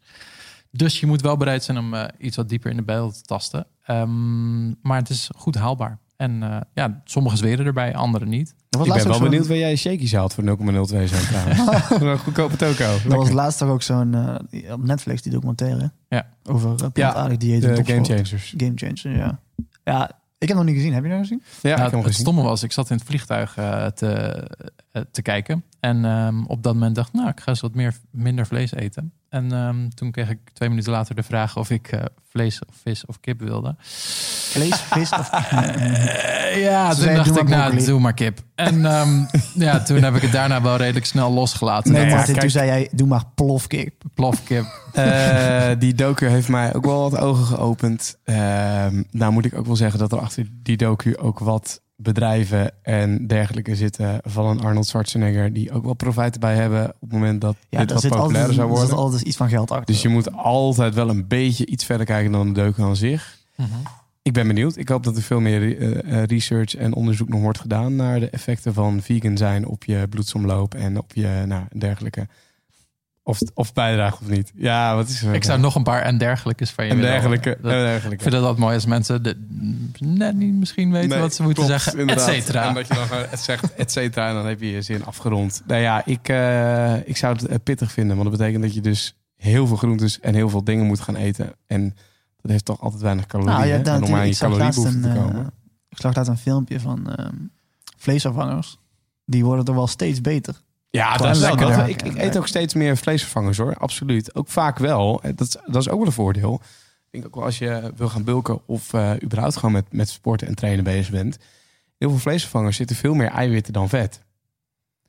tenminste, als ik naar mijn leken research kijk, maar als ik eh, wel eens wat vergelijk qua vlees in de supermarkt met een vleesvervanger, dan zie ik in, eh, in die vleesvervanger zie ik veel meer eiwitten zitten en veel minder vet dan in het eh echte Ja, er vlees. een, een, Ja. een lab gemaakt en dus kunnen ze helemaal... eh, Ja. En voor de smaak zit er dan wel vaak wat meer zout in dan een gemiddeld product. Dus dat is ook iets om in de gaten te houden. Als je bijvoorbeeld een sojaproduct eh, eet, ehm, stel je eet het drie keer per dag, dan is er heel groot, ja, dan is de kans groot dat je heel veel natrium binnenkrijgt. Eh, dus hou dat ook in de gaten als je vegan bent. Maar supplementen, daar durf ik me niet aan te wagen. Oké. Eh, volgende vraag. Marijn vraagt, ik gok dat het niet Marijn Schoeber is. ehm, wanneer je begint met fitness en je bent mollig, ga je dan eerst kutten of bulken? oh, die vraag krijg ik heel veel. Ja? Ik zeg altijd... Beantwoord je hem ook wel eens. ik krijg er heel veel, maar ik antwoord nooit. Nee, ik zeg altijd dat eh, doe waar, waar je zelf prettig bij voelt. Als de, als de onzekerheid zit van ik ben mollig, Ja. ga dan gewoon eerst iets afvallen. Dat je je iets prettiger voelt. En ga dan weer opbouwen. En het is niet dat je niet tegelijk echt zeg maar kan. Want je kan natuurlijk gewoon krachtsport doen en heel veel cardio en goed op je eten en alsnog afvallen. Ik bedoel, het is niet dat dat niet kan. Nee. Dus ja, ik, ik zeg altijd, doe waar je prettig bij voelt. Je, als je inderdaad iets meer weet en je bent mollig en je wil graag heel sterk worden, dan ga Maar- meteen krachtsport in. Is het wel zo dat als, als ik naar mezelf terugkijk, hè, voor mijn eigen gevoel en voor mijn, eh, eh, ja, voor mijn eigen gevoel is het top geweest wat ik heb gedaan. Want ik ben dus heel veel af gaan vallen en heel veel cardio gaan doen en daarnaast een heel klein beetje kracht. Waardoor ik er frisser en beter uitzag. Maar was het misschien beter geweest als ik niet zozeer met het afvallen bezig was geweest, maar gewoon veel meer kracht. Dat uiteindelijk mijn resultaat in, in spiermassa beter was geweest. Waarschijnlijk was dat wel iets Ja. beter geweest inderdaad. Ja, maar ik- dus als je die kant op wil, dan is dat misschien beter. Maar misschien had je het niet volgehouden. Nou ja, Dat, is ook nog de het vraag. ook, Want ja. misschien was het veel effectiever. Ja, aan de andere kant, wie heeft er haast hier? Ik bedoel, Nee, weet ja, je, dus je, het is niet dat je dat, dan als je eerst gaat afvallen, dat je dan zegt van, ja, ik zet een streep door al mijn spiergroei in de future. Ik bedoel, dat kan natuurlijk nog steeds altijd. Ja. misschien iets langer, maar ja, goed, ja, je- iedereen heeft zijn race, zeg maar. Ja, maar ik denk, jij zegt wie heeft er haast hier? Ik denk dat dat juist vaak is waar het misgaat. Dat juist Oh, ja, ja. mensen heel veel haast hebben. Ja, en ik vind jou, eh, dat is het laatste waar wij het vorige keer over hebben gehad. Ik vind jou heel geduldig. En dat vind ik heel fijn aan jou. Voor als je met mij samenwerkt, dan moet je geduldig zijn. Ehm, Heel maar, geduldig. maar dat ben je dus sportief gezien ook. Je hebt dan ook geen haast. En juist die mensen komen het verst. En dat zie je ook aan jouw lichaam. Ehm, Marijn ook bijvoorbeeld. Marijn Schroeber dan wel in dit geval. Die bouwt elk jaar weer aan zijn, aan zijn lichaam. Ja, maar dan- die, heeft, die had wat hij nu heeft niet in jaar één kunnen bereiken. Dat is gewoon niet mogelijk. Die Ja, heeft gewoon jaar één jaar natuurlijk, uitgewerkt. als je, als, je het, als je het op een andere manier doet, kan je het wel doen, maar zeg maar, hoe Marijn is een perfect voorbeeld van iemand die gewoon sport omdat hij het leuk vindt en dat hij ook gewoon heel gedetailleerd op een gegeven moment gewoon weet van oké, ik moet gewoon rustig aan, verbeteren en dat komt wel, duurt maanden, die jaren. Maar hij traint tien jaar nou en dan kijk je Ja. hoe hij eruit ziet. Ik bedoel, hij weet precies hoe het werkt, hij weet precies hoe zijn lichaam werkt. Hè? Afvallen, aankomen, spieren opbouwen. Hij weet precies, eh, ja, dat, uiteindelijk moet je er wel van houden om te, daar tijd in te stoppen, zeg maar. Nou ja, als ik zijn leven nu bekijk, zeg maar, we hebben hem een jaar geleden het gast gehad. Met al respect, het, het, het is ziek wat hij bereikt, zeg maar, en hij werkt er keihard voor. Maar ik vraag me af of je gelukkig bent als je zo. eh, Of Marijn gelukkig is? Qua met zijn lichaam? Nou, ja, ik weet, ik, ik, als ik als ik zeg maar hem volg nu, dan denk ik echt. Marijn heeft natuurlijk twee eh, heftige kuts achter de rug. ehm, voor een project en natuurlijk even een wedstrijd gedaan. Dus hij is al vrij diep gegaan. Dat zijn, wel, dat zijn mentaal zware dingen wel, als je die twee keer achter elkaar moet doen. En ik denk dat hij, da- dat hij daarom eventjes in de, een soort dipje zit. Maar qua, ik weet zeker dat Marijn gewoon gelukkig is qua leven en hoe ze Volgens mij lacht hij de ballen uit zijn broek. Natuurlijk, hij is hartstikke succesvol en doet het hartstikke Ja. goed. En, Als je zoveel boeken verkoopt ehm, en gelooft in wat je doet en dat gewoon elke dag weer uitdraagt. Ik vind hem echt een heel mooi voorbeeld. Dus ja, ik, hij- als, ik heb die associaties niet die jij hebt, maar ik snap wel wat je bedoelt. Hij zag er heel ongelukkig uit op social media in ieder geval. Maar ik heb hem in de week daarna gezien. Toen was hij dat absoluut niet. Dus ja, misschien is er ook nog een deel in wat je dan projecteert op je Instagram. Ja, nou ja, hij heeft natuurlijk gewoon een zware tijd achter de rug gehad. En ik denk dat hij dat Ja. gewoon... Want hij deelt altijd heel erg eerlijk en alles open met ja, zijn dat is, dat is ook mooi. Ja. Dus dat is ook eh, inderdaad op die manier. Volgende vraag ehm, komt van Nick. Hij zegt: Ik wil heel graag spieren opbouwen en dus meer eten, maar ik wil ook graag de voordelen van vasten hebben. Hoe kan ik dit combineren? En ik denk dat dan zijn probleem eigenlijk is dat hij in eh, een korte tijd extra veel moet eten. ja, en dat is pittig hoor, als je aan het vasten bent. Ja, want jij bent nu niet aan het bulken per se, maar vind je Nee. het moeilijk om aan je eh, voeding te komen in, Ehm, in een kortere tijd? Nee, maar ik ben ook zeker niet aan het bulken. Ik eet misschien nog wel iets te weinig en ben nu aan het kijken hoe ik op mijn eh calorieonderhoud terecht ga komen, zeg maar. Maar eh, kijk, wat natuurlijk ook altijd. Ik ben geen expert op, op het gebied van vasten, hè, dat absoluut. Laat dat even duidelijk zijn. Maar wat natuurlijk het grootste gevaar altijd met vasten wel is, is dat je eh, juist te weinig gaat eten, omdat je in een heel kort tijdsframe aan het eten bent en je raakt gewoon heel snel vol. Ja. Dus ik denk dat op het moment dat jij moet gaan bulken, waarbij je dus al meer moet gaan eten dan dat je normaal gewend bent, dat je het heel zwaar gaat krijgen als je dat in acht uur tijd moet gaan doen. Ja, ehm, Nou, dat was zijn probleem, maar nu uitgelegd. Wa- wat kunnen we eraan doen? slim eten. Slim eten. Zeg maar calorie dense. Ja, in Nederlands. Jongen, ik haat Nederlands. Ehm, dat je Calorierijk voedsel. calorierijk voedsel eten. Geef Gewoon- eens een paar voorbeelden. Nou ja, wat kan hij eten? Nou ja, kijk, je, je kan of kip eten of gehakt. Zeg maar, Eh, de- qua calorieën eh, trippel je dat met gehakt zo Ja. ongeveer. Of kip dijfilet in plaats van kip geborst. Filet. Ja, je, kip, ja, dat is niet tevreden, maar kan. Maar vind ik dan. Ja. Maar ja, maar, maar is het. Want waarom zou je het willen doen, het vasten, zeg maar? Want Ja, dat, kan dat, dat, dat, de eerste vraag die ik ook al Nou ja, kijk, het, het, het vasten aan zich, dat, dat, dat, dat heeft veel voordelen. Nou, daar heeft Ludie in het vorige podcast ook over gehad. Dus ik snap dat je aan zich intermittent fasting, dat je dat zou willen toepassen in je leven. Mhm. Dat wil je sowieso niet voor altijd doen. Dat doe je in bepaalde eh, gewoon fases in, in een jaar. Zo. Dat kun je drie keer per jaar doen of zo. Dat heeft Ludie ook wel eens uitgelegd. Maar eh, ik zou dat als ik hem was, gewoon lekker in mijn kutfase doen.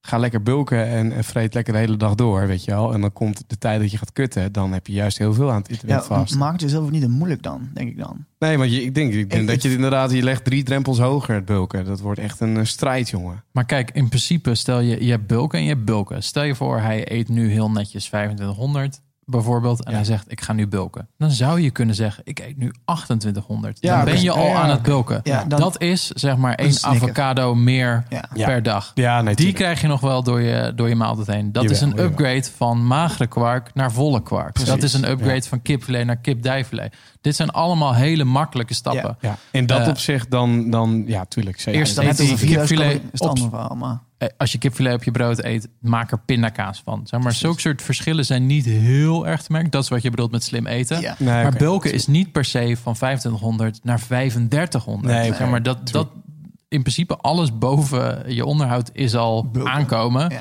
En bulken, ja, dat, Dat is ook maar een term, uiteindelijk. ja, uiteindelijk zegt hij wel... ehm, nee, dat is niet waar. nee, Sorry. hij zegt helemaal niks. Mooie aanleiding om de volgende vraag te Ja, knallen. eh, die komt van Tim. Hey, ik luister altijd naar jullie podcast, aangezien ik ook vaak naar sportschool ga en graag andere mensen hun visie hierop hoor. Eh, ik sport vijf dagen de week, werk in de horeca, dus ik loop erg veel. Ik kom hierdoor alleen nauwelijks aan.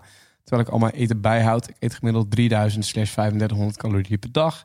En ik houd hierbij mijn macro's in de gaten. Bij mijn sportschool laat ik om de 12 weken een bodyscan maken, maar ik kom nauwelijks aan. En dit is, dan zegt hij ook, mede door mijn snelle stoelgang. Enige tips hiervoor? Alvast bedankt. Eet meer. En zeg maar 3000 slash 3500 is nogal een verschil. Ja, Dus dat is als, je onderhoud 3500 is en je gaat 3000 eten, dan zit je val je onder. weer af. Ja. En als je onderhoud 3000 is en je eet 3000, dan blijf je stil. En dan 3500 is er weer opeens weer overheen. Dus je moet een soort van wel een vast iets hebben. Maar als je merkt dat je niet aankomt, betekent dus dat je meer moet eten. Punt. Ja, het is niet. Wat je ook zou kunnen doen is even, eh, stel je voor, je bent een week vrij. Ehm, probeer dan even rustig aan te doen. Niet extra gaan sporten, maar gewoon even kijken wat doet dat eten überhaupt met mijn gewicht. Los Ja. van het wandelen, los van sporten. Ja. Kom ik überhaupt wel aan met dit eten? En als je dan nog die wandelformule eroverheen gooit, ja, misschien val je, viel je al af zonder het wandelen en wordt het alleen maar nog erger. Dus check eerst even waar je überhaupt zit. Ja. Het is je inname en je activiteit natuurlijk uiteindelijk. En als dat niet matcht, dan... Ja, kijk, als het wel matcht, als je wil aankomen, dan betekent dus dat je meer inneemt dan dat je verbrandt. Ja, en anders gewoon je baan opzeggen. Ja, is gewoon stoppen. Bulk for life, bro. Kom, Echt kom bij ons werken. ja. Echt Ja. goede visie. Maar het is wel moeilijk. Ik snap het wel, want het is wel vrij lastig om 3700 calorieën elke dag naar binnen te werken. Ja. Dat is pittig. vind ik heel lastig. Ja, maar dat is wel weer het Ehm, voordeel aan horeca. Want ik ken heel wat mensen die eh, overgewicht hebben en in de horeca werken. Volgens mij kun je ook wel weer makkelijker eten. dus ja, maar dan heb je ook een dirty bulk. Dat is natuurlijk weer het tegenovergestelde. Eh komt hier een vraag binnen van Evert. Eh, die zegt, bij welk vetpercentage adviseren jullie te stoppen met bulken? Ik heb voor de zomer 12 weken om te kutten. Ja, dat doe je niet op basis van vetpercentages, toch? Nee, Nou, ik zou ja. het eerder... Ja, als je 12 weken hebt, is het natuurlijk niet echt heel per se heel erg lang. Als je echt... Als je, ja, het is een beetje een lastige vraag, want je weet niet waar, wat hij, hoe, hoe Nee, zwaar die is. En Maar je weet niet waar je naartoe wil natuurlijk. Wil je echt super, super lean of wil je gewoon nice, sportief? Sowieso ook vet, vetpercentage heb ik tijdens het droogtrainen bijvoorbeeld... heb ik dat één keer kunnen meten omdat ik iemand in de buurt had... die er toevallig verstand van had hoe je dat het beste kon doen. Met zo'n haak en zo. Maar vetpercentage is ook niet echt... Iedere, dit, dat is niet iets wat je iedere dag gaat meten, toch? Of iedere Nee. week gaat meten. Ja, en het is ook welke methode je gebruikt. Als je op de weegschaal bijvoorbeeld- gaat staan, heeft het helemaal geen nut, volgens mij. Ik heb in één week heb ik een keer een eh, huidplooimeting doen, maar gedaan met zo'n tang Ja, die jij dat- bedoelt. ja. Ik heb een DEXA-scan, een botpot en zo'n elektrode weegschaal gedaan. En eh, Allemaal anders. allemaal anders. Ja. Ehm, dus wat je in ieder geval doet, is kies er één en zorg dat je die zo consequent mogelijk meet. Dus stel het is een weegschaal, zorg dat je elke dag op dezelfde tijdstip, eh, dat je alvast eh, naar het toilet bent geweest en nog niet hebt gedronken. En stel je doet een huidplooimeting, laat het dan bij dezelfde persoon doen. Eh, liefst iemand die ervoor is opgeleid, want iedereen kan met een tangetje knijpen. Maar er zijn echt methodes hoe je dat moet doen. Ja. Ga niet ineens een vierpunts en dan een zevenpunts en dan een twaalfpuntsmeting. Kies dezelfde en blijf dat doen. Maar 15% zie ik als een mooie waarde zeg maar, om te stoppen. Dan weet je dat je safe zit. Wil niet zeggen dat je het niet door kunt tot 20 of hoe hoog dan ook. Maar als je 15 doet, dan weet je dat je 12 weken later weer safe terug kunt naar welk getal je ook wil. Dan is alles haalbaar. Eh, ga je hoger, dan maak je het weer ietsje lastiger. Maar misschien bereik je er ook wel weer meer mee. Ja. Dus ja, wat je zegt. Het is een beetje mo- moeilijk omdat we niet heel veel informatie hebben natuurlijk. Ja, maar algemene richtlijn zou je kunnen zeggen tot, tot aan 15, 15, 15, 20 zeg maar. Ja, daartussen. Ehm, nog eentje op wat betreft trainen van Kortjan. Die zegt, wat zijn de beste oefeningen voor kracht en een fitness-elastiek? Wil daar kracht? Ja? Ja, je, je kan deadliften met een elastiek, je kan benchpress met een elastiek, je kan dumbbell press doen met een elastiek eromheen. Ja, er zijn heel veel oefeningen die je met een elastiek eh, zeg maar, kan verzwaren. Hij wil de beste Ja, maar ja, wat is de beste fitnessoefening? Eh, deadlift. Ja, oké, deadlift. Hoe doe je dat met een elastiek? Ik zie het niet voor me. Wat, wat Nou doe ja, je dan met een elastiek elastiek? om de bar en dan maak je dat, dat je, je je lockout van het deadlift wordt dan zo, zwaar ja. en de elastiek natuurlijk strak trekt. Wat is er trouwens met, dat, met, met al die elastieken om benen van vrouwen en heen en zo? Heeft dat echt nut? Ik denk dat Jutta Leerdam dat eh, teweeg heeft gebracht. Nou, dat is dat activeren van de glutes toch? Als je squat of lunges doet of eh Of op de har- hardloopband staat? Dat is goed. Hardloopband en dan elastiek. Ik zie wel eens met vrouwen op hardloopband lopen. een zijwaarts dan. elastiek. eh, nee, gewoon vooruit. Wauw. Nou, dat heb ik nog nooit van- gezien. Nee, ik ook niet. Dat ook niet. ook niet het alleen handig. zijwaarts, want Ja. anders zeg maar vooruit eh, ja, activeer je ook inderdaad niks. Dus zij, ja. Nee, zijwaarts kan je dat je je knie naar buiten doet en een elastiek omheen hebt. Dan activeer je glutes en dan ga je lunges doen. Ja. Misschien eh, had een vriend getipt dat ze benen wat vaker bij elkaar moest houden. Ik weet ik heb geen idee wat, wat, eh, wat dat kan zijn. Wauw. wat een niveau, jongens. Eh, nou ja, nog eentje, maar dit, dit, is, dit is eentje zeg maar, die ook heel veel andere vragen omvat, denk ik. Ik heb een paar jaar geleden mijn knie uit de kom gehad en heel veel fysio. En ik doe nu aan korfbal. Mijn knie is pijnlijker geworden. Hoe kan ik mijn knie trainen? Ja, door het niet aan ons te vragen. Ja, nee, vraag in de dokter. Dan moet je echt Want dit soort dingen, dat, dat zie ik wel heel veel binnenkomen. Mensen die last hebben van een knie. Of mensen die een andere, andere blessure hebben. Ja, d- er zijn gewoon dingen die je niet aan, aan ons moet gaan vragen. Maar gewoon echt aan een expert. En Ik krijg echt aan soms- een arts. Instagram berichten van mensen van ja, ik heb een zenuwstoornis of ik heb een dit stoornis. En denk van wow, ik snap dat je me chill dat je me Ja. vertrouwt, maar dat is echt far above my Soms moet je gewoon echt even een expert inschakelen om, eh, Ja. om dat soort dingen niet nog En dat meer op valt te vakken. gewoon ook binnen je verzekering. Dus Ja, zeker. Ja. Zeker met zo'n knie. het Ja, is hoor. zonde om niet te doen. Ook trouwens, coaching valt ook gewoon binnen je verzekering tegenwoordig. Dus ook als je strijdt met welke klachten dan ook, kun je ook eens een keer daar proberen voordat je. Je zit niet gelijk bij een psycholoog, zeg maar. Of eh, Nee. er, zijn, er zijn wat makkelijker eh, instapniveaus. Hey, ehm, is het een eh, mooie om eh, de, de allerlaatste aflevering van Beter, Sneller, Sterker, de podcast af te sluiten? Van Nou, dit seizoen. Dat kan eigenlijk nog niet. Want? Want jouw moeder heeft nog een boodschap. Oh ja, en jouw moeder ook nog. Zo, dit zouden we bijna vergeten. Die zou je moeder maar En vergeten. Mijn moeder, nou dat gebeurt geregeld hoor. Sorry man. Nee, eh, het- ja, jij kwam met het idee. Hoe kwam jij met dit idee? Wat was dit? Nou, we hadden het over experts en ehm, over gezond verstand eigenlijk nog een beetje throwback. Ehm, en toen dacht ik eigenlijk aan mijn moeder. Die geeft mij vaak ook wijze tips in het leven. Dankjewel daarvoor, mam. En toen dacht ik, hoe leuk is het om te kijken hoe, hoeveel onze moeders even qua kennis daarboven hebben. Ehm, oftewel, een voedingstip van jouw moeder en van mijn moeder. Leuk. Zou ik zo beginnen? Ik, jouw moeder. Met mijn moeder? Best En waar is mijn moeder dan? Eh, wie ben jij? Wat doe jij? Ja. Oké, komt mijn moeder. Hey, dit is de moeder van Jordi. Ja, dat is- En bij deze mijn voedingsadvies. Eet drie keer per dag gevarieerd met veel groenten en eiwitrijk. Gebruik vooral losse kruiden en maak bijvoorbeeld je eigen pastasaus. Dit ook in verband met de E-nummers die in kant-en-klare kruiden en mixen zitten. Drink voldoende water, bijvoorbeeld 3 liter per dag. Dit was mijn voedingsadvies. Perfect, niks aan te doen. Ik zie wel waar je het van hebt.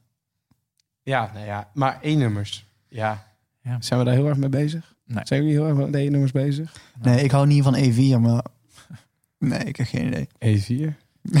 ik, ik, ik wil maar iets randoms. Nee. In principe, Is alle, dat iets alle waar we mee E-nummers bezig zijn toch, zijn? zijn toch goedgekeurd? Dus als je je daar zorgen over maakt, dan, dan oké, dat kun je doen. Ja, maar ik ben er niet, zelf niet mee bezig. Ik heb nog nooit iemand gezien die, oh gast, je bent wel eh, goed fit. Maar ik zie wel dat je E447 Ja, nee. nog in je dieet hebt. Nee, maar precies dat, zeg maar...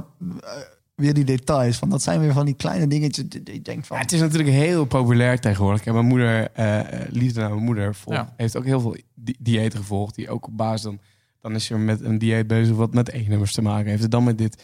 denk ik, ja, weet je, Ja, werkt het echt? Zeg maar, eh, kan je dat volhouden? Dat is Nee. mijn- mijn vraag altijd een beetje. Van, eh, waarom zou je op het dieet gaan als je weet dat je het niet kan volhouden? Want heel veel mensen gaan zeg maar weer terug naar hun oude habits. Kom je net zo goed weer aan. Dan kan je Ja. weer opnieuw beginnen. jouw moeder? Ja.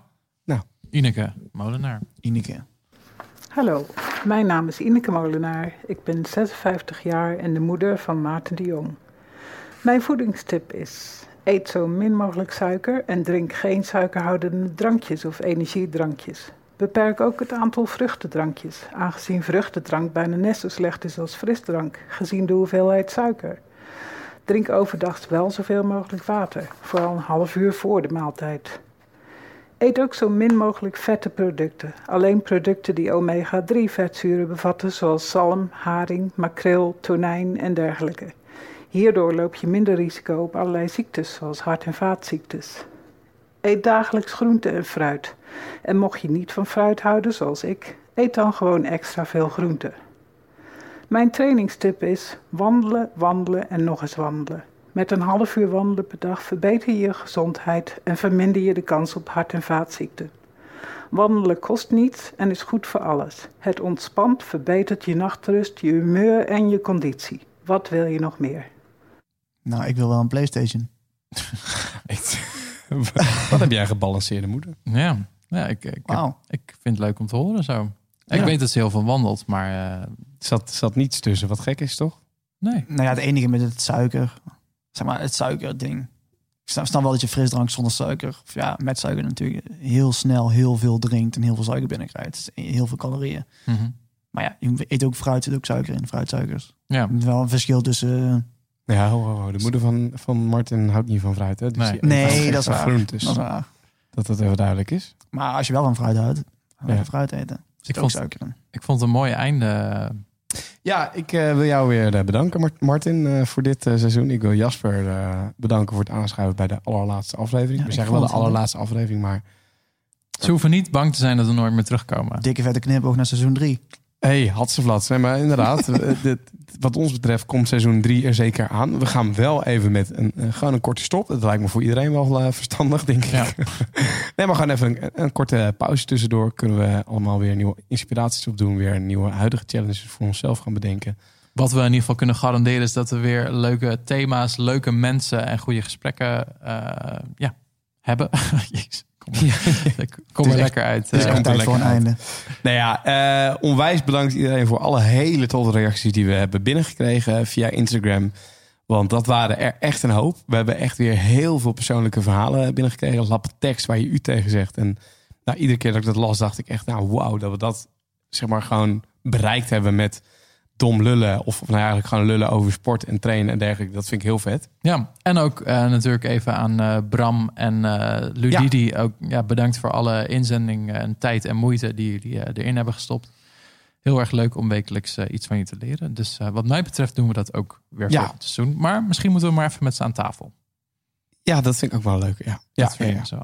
Nou, dan zal ik zeggen bij deze tot een volgend seizoen. You.